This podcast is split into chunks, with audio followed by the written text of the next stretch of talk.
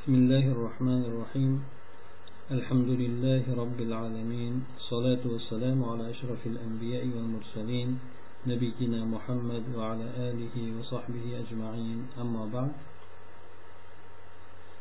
فقه الأقليات كتاب دان دومت كان درس مزداء معاملات لرس بابو آه، بارس دا بابك كيانا ديك حمدا وتنسفرجي درس مزداء sudxo'rlik borasida hamda musulmon odam kofir bo'lgan kimsalarga o'zini ijaraga berishlik ya'ni o'shalarni qo'lida ishlashlik hukmi borasidagi masalalarga to'xtalib o'tgan edik.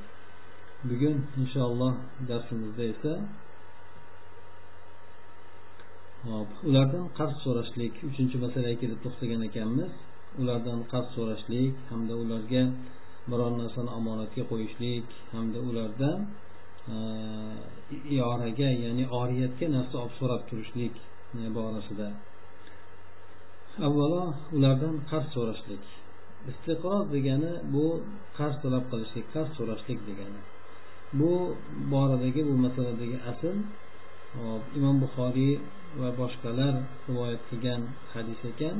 Bunda jobir ibn abdulloh roziyallohu anhuni otalari vafot etgach jobir roziyallohu anhuni zimmasiga o'ttiz vasaq ya'ni yahudiy bir odamni uchun o'ttiz vasaq bir boylikni qarzni tark etgan ekan.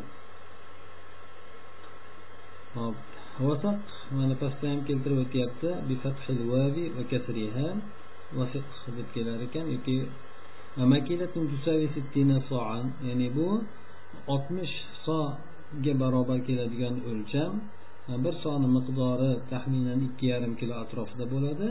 Buni jami esa avsuq avsoq va vusuq ya'ni shu shu suratlarda jamlanar ekan. Hop demak o'ttiz vasoq e, qarz qoldirgan ekan. Jobir ibn abdullohga ya'ni otasi bir yahudiy odamdan shu narsani olgan ekan. Jobir roziyallohu anhu ya'ni bir muhlat berishligini so'rabdi jobir roziyallohu anhu. Ya'ni otasi vafot etgandan keyin bir muddatdan keyin bering desa yahudiy odam u kishiga muhlat berishlikdan bosh tortibdi. Keyin jobir roziyallohu anhu payg'ambar sallallohu alayhi vasallamni o'rtaga turib berishligini uchun payg'ambar alayhisalomni so'ranibdi ya'ni o'rtada shu narsaga bir turib bering yoki bo'lmasa shafoat qiling ya'ni undan menga ruxsat olib bering degan mazmunda payg'ambar sallallohu alayhi vasallamni o'rtaga qo'ygan ekanlar. Bu hadisdan yuqorida ko'rinib turibdiki demak bulardan qarz so'rab olishlikni joiz ekanligiga dalolat qiladi yuqoridagi hadis. Payg'ambar sallallohu alayhi vasallamni dinda muxolif bo'lgan odamlardan qarz so'rashlikdan qaytarmaganliklari ulardan qarz so'rashlikni joiz ekanligiga bu narsada hech qanaqangi bir haraj siqintilik yo'q ekanligiga dalolat qiladi. Lekin bu yerda shu narsaga ishora qilib o'tishlik kerakki deydi agar ulardan qarz so'rashlik ularga suyanib qolishlikka ularni do'st tutishlikka ular uchun xorlanishlikka olib boradigan bo'lsa bunda albatta bu qoida ishlaydiki haromga olib boradigan narsa ham haromdir ya'ni ularga ularni do'st tutishlikka yoki ularga xorlanishlikka olib boradigan bo'lsa albatta bu narsa mumkin emas hisoblanadi. Chunki haromga olib boradigan narsa haromdir qoidada. Shuningdek ya'ni qarz so'rashlik aqdi harom bo'lgan shartni o'z ichiga oladigan bo'lsa bu ham joiz emasdir. Ya'ni bunda u narsa riboga ya'ni haromga aylanib ketib qoladiki ya'ni qarzga biron narsani shart qiladigan bo'lsa bu narsa esa sudxo'rlikka olib boradi. Shunday bo'ladigan bo'lsa mana buni manfaat keltirgan qarz deydida bu narsa esa harom qilinadi. Ya'ni inson bironga qarz berayotgan paytda undan bironta manfaatni shart qilmaslik kerak. Hmm?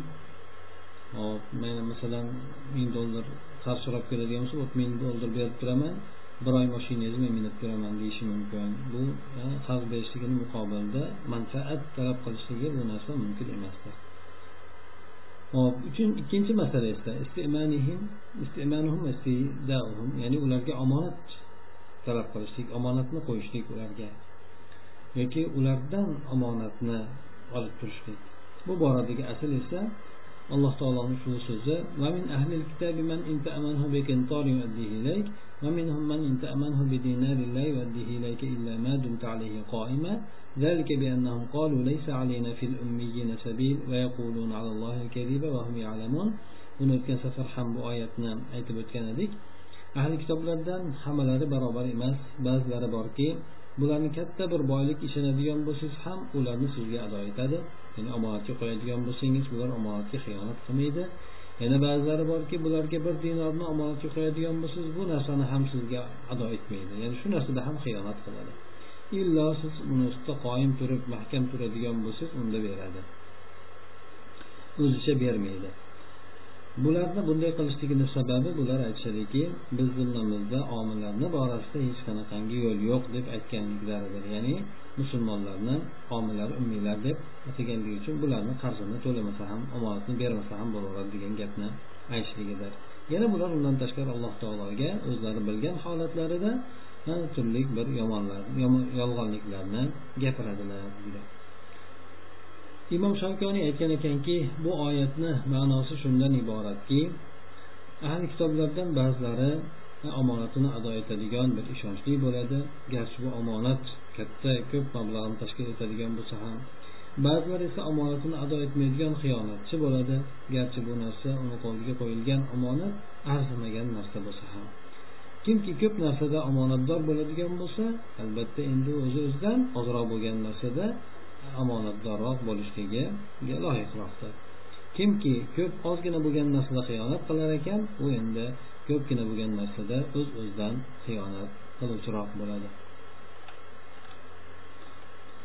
Badriddin ayniy bu kishi hanafiy olimlaridan o'zini o'sha payg'ambar sallallohu alayhi vasallam bani dayl qabilasidan hijrat qilayotgan paytlarida yo'l ko'rsatuvchi qilib bir odamni yollaganligi e, to'g'risida bu kishi e, gapni keltirib aytadiki bu yerda bu payg'ambar alayhisalomni bunday qilishligida mushrik bo'lgan odamlarga sir hamda mol dunyo ustida omonat qo'yishlik joizligiga dalil bor deydi ya'ni payg'ambar alayhissalom sir bo'lgan narsani bu odam sir bo'lgan narsada bu odamga ishondi agar u ulardan o'sha mushriklardan vafodorlik hamda odamiylik ulardan bilinadigan bo'lsa topiladigan bo'lsa shu narsa ularda seziladigan bo'lsa bularni sir asror ustida hamda mol dunyo ustida ishonsa omonat qo'yilsa bo'laveradi. Shunga dalil bordir deydi rasululloh sollallohu alayhi vasallam mana bu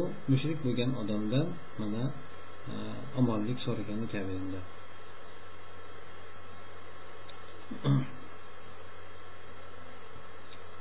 odob shar'iyada keladiki agar musulmon odam kofir odamga omonat qo'yishlikka muhtoj bo'lib qoladigan bo'lsa bu narsani qo'yishligida zarar yo'q unga mumkin bo'ladi deb aytilgan ekan.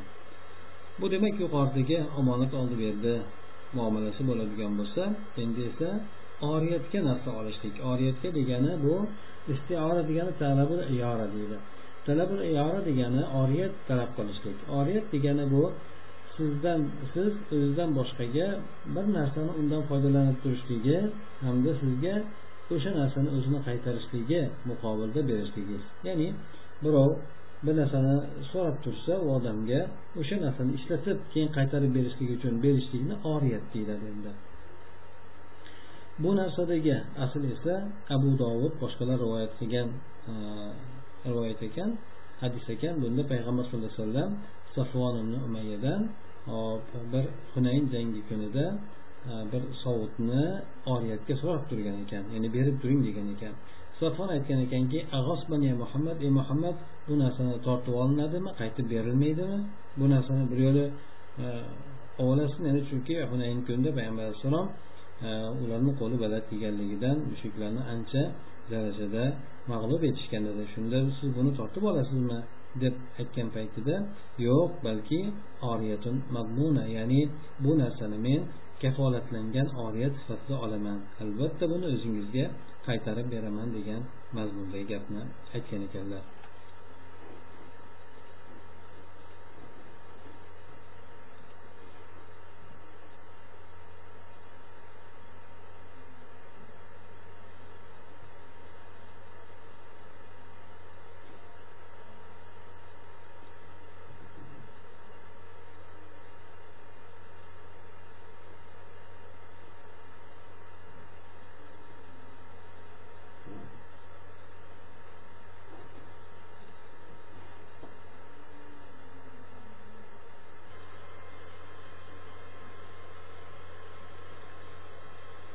ho'p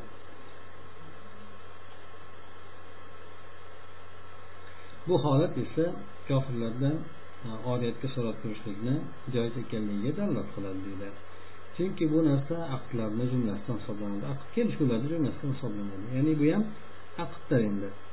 Hop birovdan birov narsasini olib bir muddatga olib turishlik e, islom esa aqdlarda shart qilinmaydi.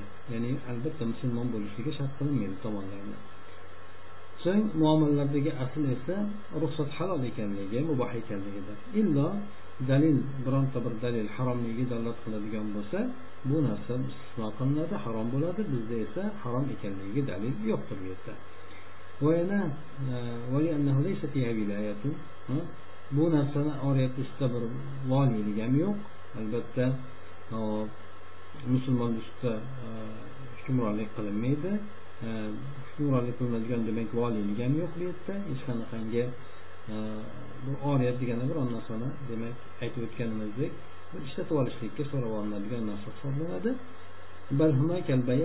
Bu esa xuddi oldi sotdi bo'lgan narsalarga e, o'xshashdir deydi. Undan keyingi beshinchi mabhas esa nikoh borasida ekan. Bunda birinchi bahs bu kufr hop kufr diyorida ahli kitoblarni ayollariga uylanishlikni hukmi alloh taolo mutlaq suratda ahli kitoblarni nuhsona bo'lgan iffatli bo'lgan ayollariga uylanishlikni halol qilib berdi bu yerda farqi yo'q islom diyorida bo'lsin kufr diyorida bo'lsin ibn manzur aytadilarki bironta avvalgilardan birontasidan bu narsani harom etganligi sahih rivoyatda kelmaganlar ya'ni na sahobalar na tobiinlardan birontasi bu ahli kitoblarga uylanishlikni harom ekanligini e, ekanligi to'g'risida kelgan rivoyat sahih emasdir. Ya'ni demak rivoyatlar bor ekan lekin bu rivoyatlar esa sahih emas ekan.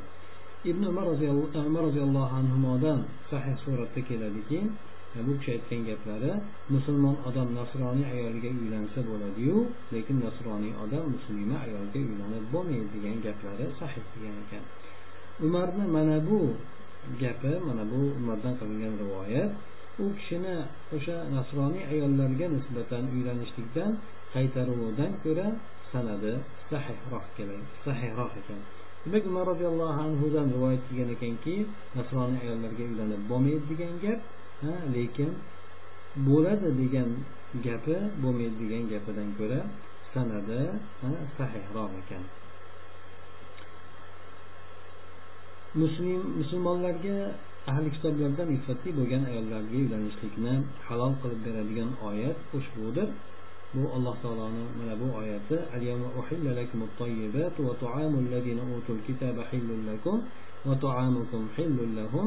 والمحصنات من المؤمنات والمحصنات من الذين أوتوا الكتاب من قبلكم bugungi kunda sizlar uchun pokiza bo'lgan narsalar halol qilindi hamda ahli kitoblarni taomlari ham sizlarga halol qilindi sizlarni taomlaringiz esa ularga halol qilindi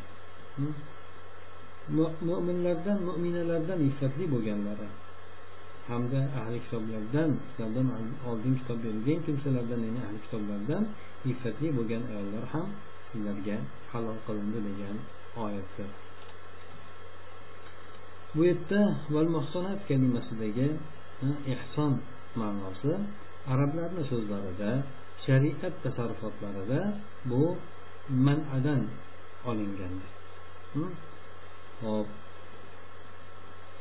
mana degani bu qo'rg'on degan ma'nosidadir o'sha hisn deb turib qo'rg'on ma'nosini mana degani birovlarni man qilishlik qo'rg'on degan ma'nosida. Bu esa to'rtta narsadan kelib chiqadi. Birinchisi islom bo'lishligi iffatlilik bo'lishligi nikoh hamda erkin hur bo'lishligi. Mana bu o'rinda ehson kalimasi islom ma'nosida bo'lishligi mumkin emas. Chunki oyat aniq suratda ibora keltiryaptiki sizlardan avvalgi o'tgan ahli kitoblarni ayollariga uylanishlik deyapti endi demak ahli kitoblar degandan keyin bu yerda islom degan narsani shart qilinmayapti demak ehson islom ma'nosida kelishligi to'g'ri emas ekan bu o'rinda. Boshqasi esa yana shuningdek nikoh bo'lishligi ham mumkin emas chunki eri bo'lgan ayollarni halol bo'lmaydi garchi ahli kitob ayolning eri bo'ladigan bo'lsa unga uylanishlik mumkin emasdir. Bu yerda faqatgina hur bo'lishligi hamda iffatlilik pokligini saqlashligi mana shu narsagina qolyapti. Bu yerdagi ehson kalimasi esa ikkalasini ham o'z ichida e, jamlay oladi. Ikkalasiga dalolat qila oladi. Ahli ilmlar mana bu ehtimolga qarab turib ikki jamoaga bo'linishgan ekan. Ularni gaplari borasida. Birinchi jamoa aytgan ekanki bular uchta avvalgi e, mazhablar ya'ni shofiy molikiy hanafiylar e, bu yerda oyat bilan murod hurlardir. Ko'rlar emas balki hurlardir. Shuning uchun bular hur bo'lgan har qanaqangi kitobiy ahli e, kitobiy ayolga uylanishlikni joiz deyishgan ekan. Bu iffatli bo'ladimi pokiza bo'ladimi yoki bo'lmasa fojira fosiqa bo'ladimi? Bo'laveradi deb ruxsat berishgan ekan. Tabariy rahimalloh aytgan ekanlarki bu yerda mana bu masalada eng to'g'ri bo'lgan gap shu degan e, oyatda hurlar ya'ni ahli kitoblarni hur ayollari ekanligini qasd qilgan odamlarni gapidir degan ekan. Ya'ni ularni nikohga olishlik mo'minlar uchun haloldir. Bular buzuqlik qilayotgan ayollar bo'ladimi yoki bo'lmasa buzuqlik qilmayotgan bo'ladimi zimmiy bo'ladimi yoki harbiy bo'ladimi farqi yo'q. Ahli kitoblarni ayollariga uylansa bo'laveradi degan gapni aytishgan ekan. Endi hanafiy mazhabidagilar bunga ziyoda qilishgan ekanki kitobiya bo'lgan afifa ya'ni zinodan o'zini pok tutadigan ahli kitob bo'lgan ayolga uylanishlik halol deyishadi. Bu narsa mandub sifatida ya'ni bu iffat bu masalada ya'ni o'zini gunohdan e, yoki bo'lmasa o'sha fohishalikdan o'zini poklagan ekanligi shart suratida emas balki mandublik mustahablik suratida bu ayol ahli kitoblarni iffatli bo'lganlariga uylanishlikni halol deb aytishgan ekan. Bu yerda iffatli bo'lishligi mustahab suratda shart suratda emas deyishgan ekan. Ikkinchi jamoa olimlar aytishgan ekanki bu yerda mahsona bilan murod bu afifalar iffatli bo'lgan ayollar ya'ni o'zini iffatini saqlagan zinodan poklangan pok bo'lgan ayollardir. Bular ahli kitoblardan buzuqi bo'lgan ayollarga uylanishlikni harom deb sanashgan ekan. Bu ular jumlasida mana umar roziyallohu anhu ibn abbos ibn masud mujohid shabiy zahak savriy suddiy hasan basriy nahoiy hamda bu hambaliylarni so'zi ham ekan ibn kasir shavkoniy qosimiy yana muosir olimlardan bir jamoasini ham bir majmuasini gapi ham o'sha ahli kitob ayollari zinodan poklangan iffatli bo'lishinglarni shart qilishgan ekan. Muallif aytadiki meni nazdimda oxirgi gap kuchliroq hisoblanadi deydi bu yerda muhsona bilan murod afifa iffatli bo'lgan ayollardir. Bu bir necha dalillarga binoanki avvalo alloh taolo imkoniyat ya'ni boylik imkoniyat topmagan odamga mo'mina bo'lgan muhsini iffatini saqlagan cho'ri ayolga uylanishlikka ruxsat bergandi ya'ni hur ayolga uylanishlikka mahrga imkoniyat topolmaydigan bo'lsa avvallari shu qiyinchilik bo'lgan edi. O'shanda e, bo'ladigan o'sha iffatli bo'lgan mo'mina bo'lgan cho'riga uylanishlikka ruxsat berilgan. Cho'riga uylanishlikni asli harom qilingan. Illo o'sha imkoniyat topmasa uylanishlikka ruxsat berilgan. Cho'riga o'zi aslida e, hop nikoh qilmasdan uni sotib olishlik bilan foydalanishlik mumkin lekin nikoh qilib ayoli sifatida kelishligi bu narsa asli sho'ri bo'lganligi uchun bolalarga ham bu ko'rlik ta'sir qilganligi uchun bu narsani shariat mumkin emas degan keyin esa o'sha imkoniyat topmagan odamlargagina buni istisno suratda ruxsat berganlar oyatda keladiki sizlardan o'sha boylik kengchilikka qodir bo'lmaydiganlar bo'ladigan bo'lsa bular mo'mina ya'ni muhsona va iffatli bo'lgan ayollarga nikoh uylanishlikdan imkoniyat topolmaydigan odamlar bo'ladigan bo'lsa hm?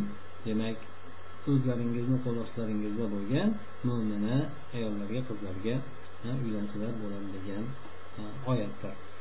Alloh subhanava taolo mana bu mo'mina e, qizlarni muhsina bo'lishligi iffatli bo'lishligi zinokor bo'lmasligini hamda shuni shart qilgan yana buni o'ynash qilib olmasdan ularga uylanishlikni qaydlaganda bu yerdagi demak ehsondan ma'no murod hm, iffatlilik ya'ni zinodan o'zini pok tutganligi.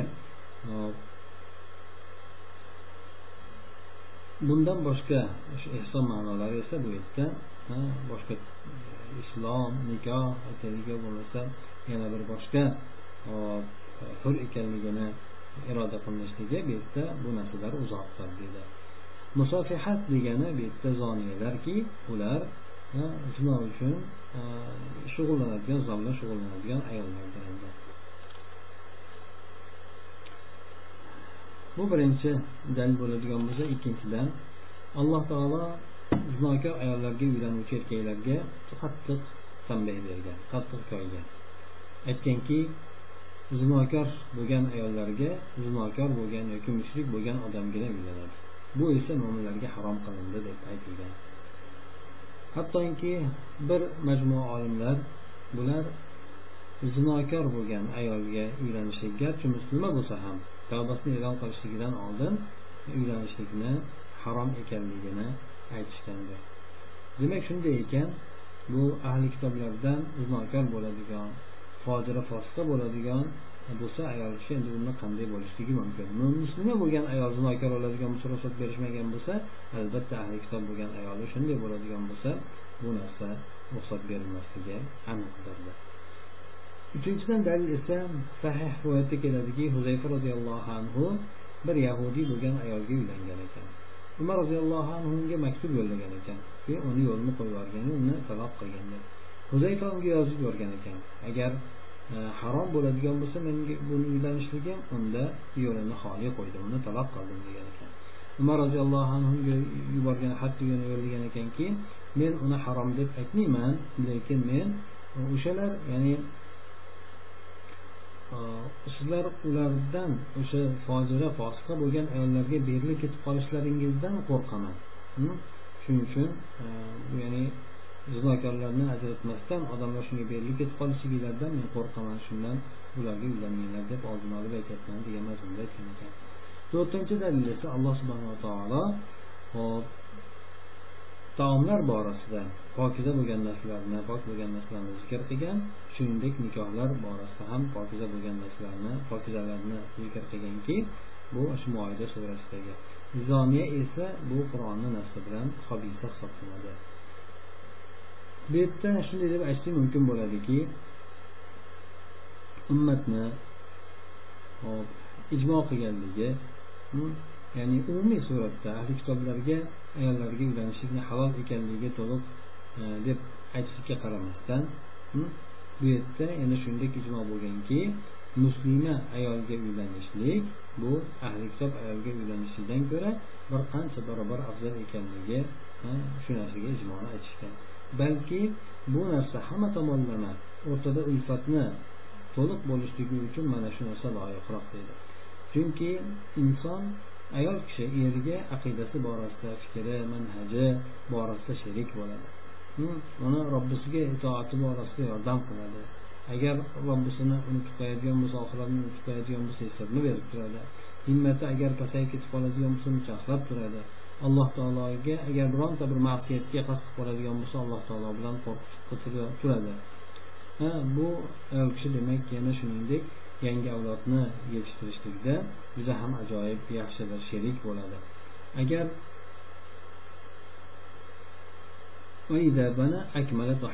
agar erkak kishi bironta narsani yo'lga qo'yadigan bo'lsa u ayol kishi uni mukammal qilib juda chiroyli qilib beradi. Agar hop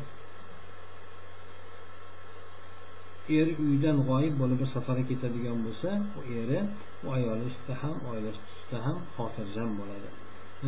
Ayol kishi esa o'sha vazifalarni esa to'liq bajaradi. Shu tomondan demak e, mo'mina muslima bo'lgan ayolga uylanishlik afzalroqdir deb aytishadi. Muslima ayollarga uylanishlikni afzaliyati borasida alloh taolo aytadiki mo'mina bo'lgan cho'ri ayol mushrika bo'lgan e, ayoldan ko'ra yaxshiroq bo'ladi. Garchi u mushrika sizlarni ajallantirsa ham chiroyi boshqasi bilan ajallantirgan taqdirida ham mo'mina bo'lsa ham cho'ri undan ko'ra afzalroqdir yaxshiroqdir deb aytadi. Mo'minlaru mo'minalar bir birlariga do'stdirlar dedi payg'ambar sallallohu alayhi vasallam aytganlarki ya'ni dindor bo'lganiga erishgan ya'ni e, qo'ying tuproqqa belansin degan masjid tiqib tuproqqa tegsin degan mazmunda aytganlar. Ya'ni pastda buni ma'nosi to'g'risida aytyaptiki taribat yadak deganni ma'nosi ya'ni tuproqqa tegsin yopishsin degani. Bu esa arablarni so'zida duo suratda keladigan kalimayu lekin bu yerda duo iroda qilinmayapti balki bu bilan tezlashlik shunga qiziqtirishlik iroda qilinyapti ya'ni o'shanga uylanishlikka bo'lgan qiziqtirishlikka aytiladigan e, so'z ekan bu.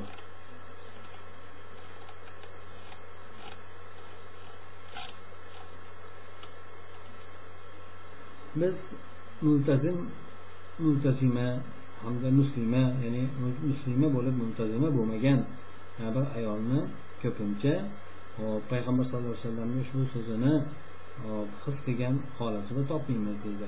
Ya'ni ayol kishi erini uyida bolalarini uyida roiyadir ya'ni boshliqdir. U ulardan mas'uldir degan. Roi degani bu hofiz bo'ladi saqlovchi bo'ladi. Mu'taman ya'ni ishonchli bo'ladi. Multazim bo'ladi. Ya'ni o'sha oila barpo bo'ladigan narsani hamda oilani e'tiborida bo'lgan narsalarni salohiyatini solihligini lozim tutuvchi hisoblanadi roi deganimiz. Endi bu kitobiya bo'lgan ayol garchi omonatdor bo'lgan taqdirida ham ishonchli bo'lgan taqdirida ham bu bu narsaga iqlom ya'ni o'zi jur'at qilayotgan narsasini isloh qilolmaydimi? Hm? Ya'ni shariat e, islomiy shariat me'yorlariga ko'ra o'zi bol qilayotgan narsasi o'sha oiladagi boshqaruvchilik yoki roiylik mana rahbarlik mana shu narsani e, tuzuk suratda durust suratda qila oladimi qilishlikka qodir bo'la oladimi deb demak savol suratida berilyapti bu narsa albatta qiyindir. Mana shu yerdan demak ko'pchilik olimlar kitobiy ayollarga uylanishidan qaytargan ekanlar. Doimki odamlar muslima ayollar borasida ya'ni o'zlarini tortib qolmasligi uchun. Yoki bundan boshqa ma'nolar ma'nolar borasida ya'ni ahli kitoblarga uylanib ketib muslima ayollar o'zlari qolib ketmasligi uchun demak o'shanda qaytarishgan ekan. Yana bu karohatni bu yoqtirmaslikni asosi dinni hosil ekanligidir. Bundan albatta bolalarni dinini axloqini zoyi bo'lib ketishligi yana e, bu ayol ado etadigan o'zlarini bolalarini oldida erini oldida ado etadigan diniy ibodatlari. So'ng ana keyin bu ayol o'sha aroq ichishligi mumkinligi cho'chqa bilan ozuqalanishligi mumkinligi undan keyin farzandini o'shani sutidan ozuqalantirishligi yana undan tashqari hop eri esa e, yoki farzandni eri eri u onasini o'pishligi bo'lsin yoki o'sha ayolni o'pishligi yoki bilan birga yotishligi hop yana bundan tashqari yuqorida o'tgan narsalarga qo'shimcha deydi muslima ayol. O'sha diyorlarda muslima ayollarga tushadigan e, izdan chiqishlik bu ulardan yuz o'girishlik sababli. Ulardan boshqalarga iqbol qilishlik ya'ni mo'min ayollardan yuz o'girib ulardan boshqa ahli kitoblarga iqbol qilishlik oqibatida muslima ayollarniga tushib qoladigan shunaqa hayf izdan chiqishlik e, burilib ketib yo'l to'g'ri yo'ldan og'ib ketishlik mana shu narsalar ham bunga qo'shimcha bo'ladi deydi. Agar ahli kitoblardan uylanishlik bu ular bizni hukmronligimiz ostida bo'lib turgan holatida ya'ni islom davlatida islom diyorida bo'lib turgan holatida ahli kitob ayollarga uylanishlik ko'pincha har xil masxuzalardan xoli bo'lmas ekan. Bu yerda o'z o'zidan aniqki kufr diyorida ahli kitoblarga ayollarga uylanishlik bu xatari qattiqroq zarari ko'proq bo'ladi. Yana bu yerda holatni fasodda yana bo'lma yana ham bir hajmda ziyoda qilib beradigan narsa shuki ahli kitoblardan ya'ni o'sha muxolif diyorlarda kufr diyorlarida ahli kitob ayollariga uylanishlik bu otani kun bo'yi mashg'ul bo'lib qolishligini hm, hamda o'zini zaif bo'lgan zurriyotlardan uzoq bo'lib qolishligi bu esa o'z o'zidan o'zidan ahli kitob bo'lgan ayol bolalarni tarbiyasini bajarishlikni ularni bajarishlikni hamda ularni ustiga bo'lgan mas'uliyat mana shu narsalarni u ayol qo'liga o'tib ketadi boshqaradi. Mana bu paytda esa biz o'shandek yetishib chiqadigan avloddan nima narsani kutishligimiz mumkin bo'ladi deb savol berilyapti Hmm. demak umumiy suratda ahli ayollariga agar ular iffatli zinodan poklangan bo'lsa uylanishlikka shar'an ruxsat berilgan. Lekin ba'zi qovullarda olimlar e, bir uzoqroq e, narsalarni ko'rganligidan yoki bo'lmasa insonni diniga boshqa zurriyatiga zarar bo'lishiga oqibatida ba'zan ahli kitob ayollarga uylanishlikdan qaytarishar ekan. Bu esa oyatga hech qanaqangi zid kelmaydi balki oyatni voqelikka tushirishlik holatga moslashtirishlik holatga tushirishlik shunga amal qilishlik jumlasidan bo'ladi. Bu nikoh borasidagi e, bu bobdagi aytilgan hukmlar ekan. Yana boshqa nikoh borasidagi masalalarni inshaalloh kelgusi darsimizda ko'rib chiqarmiz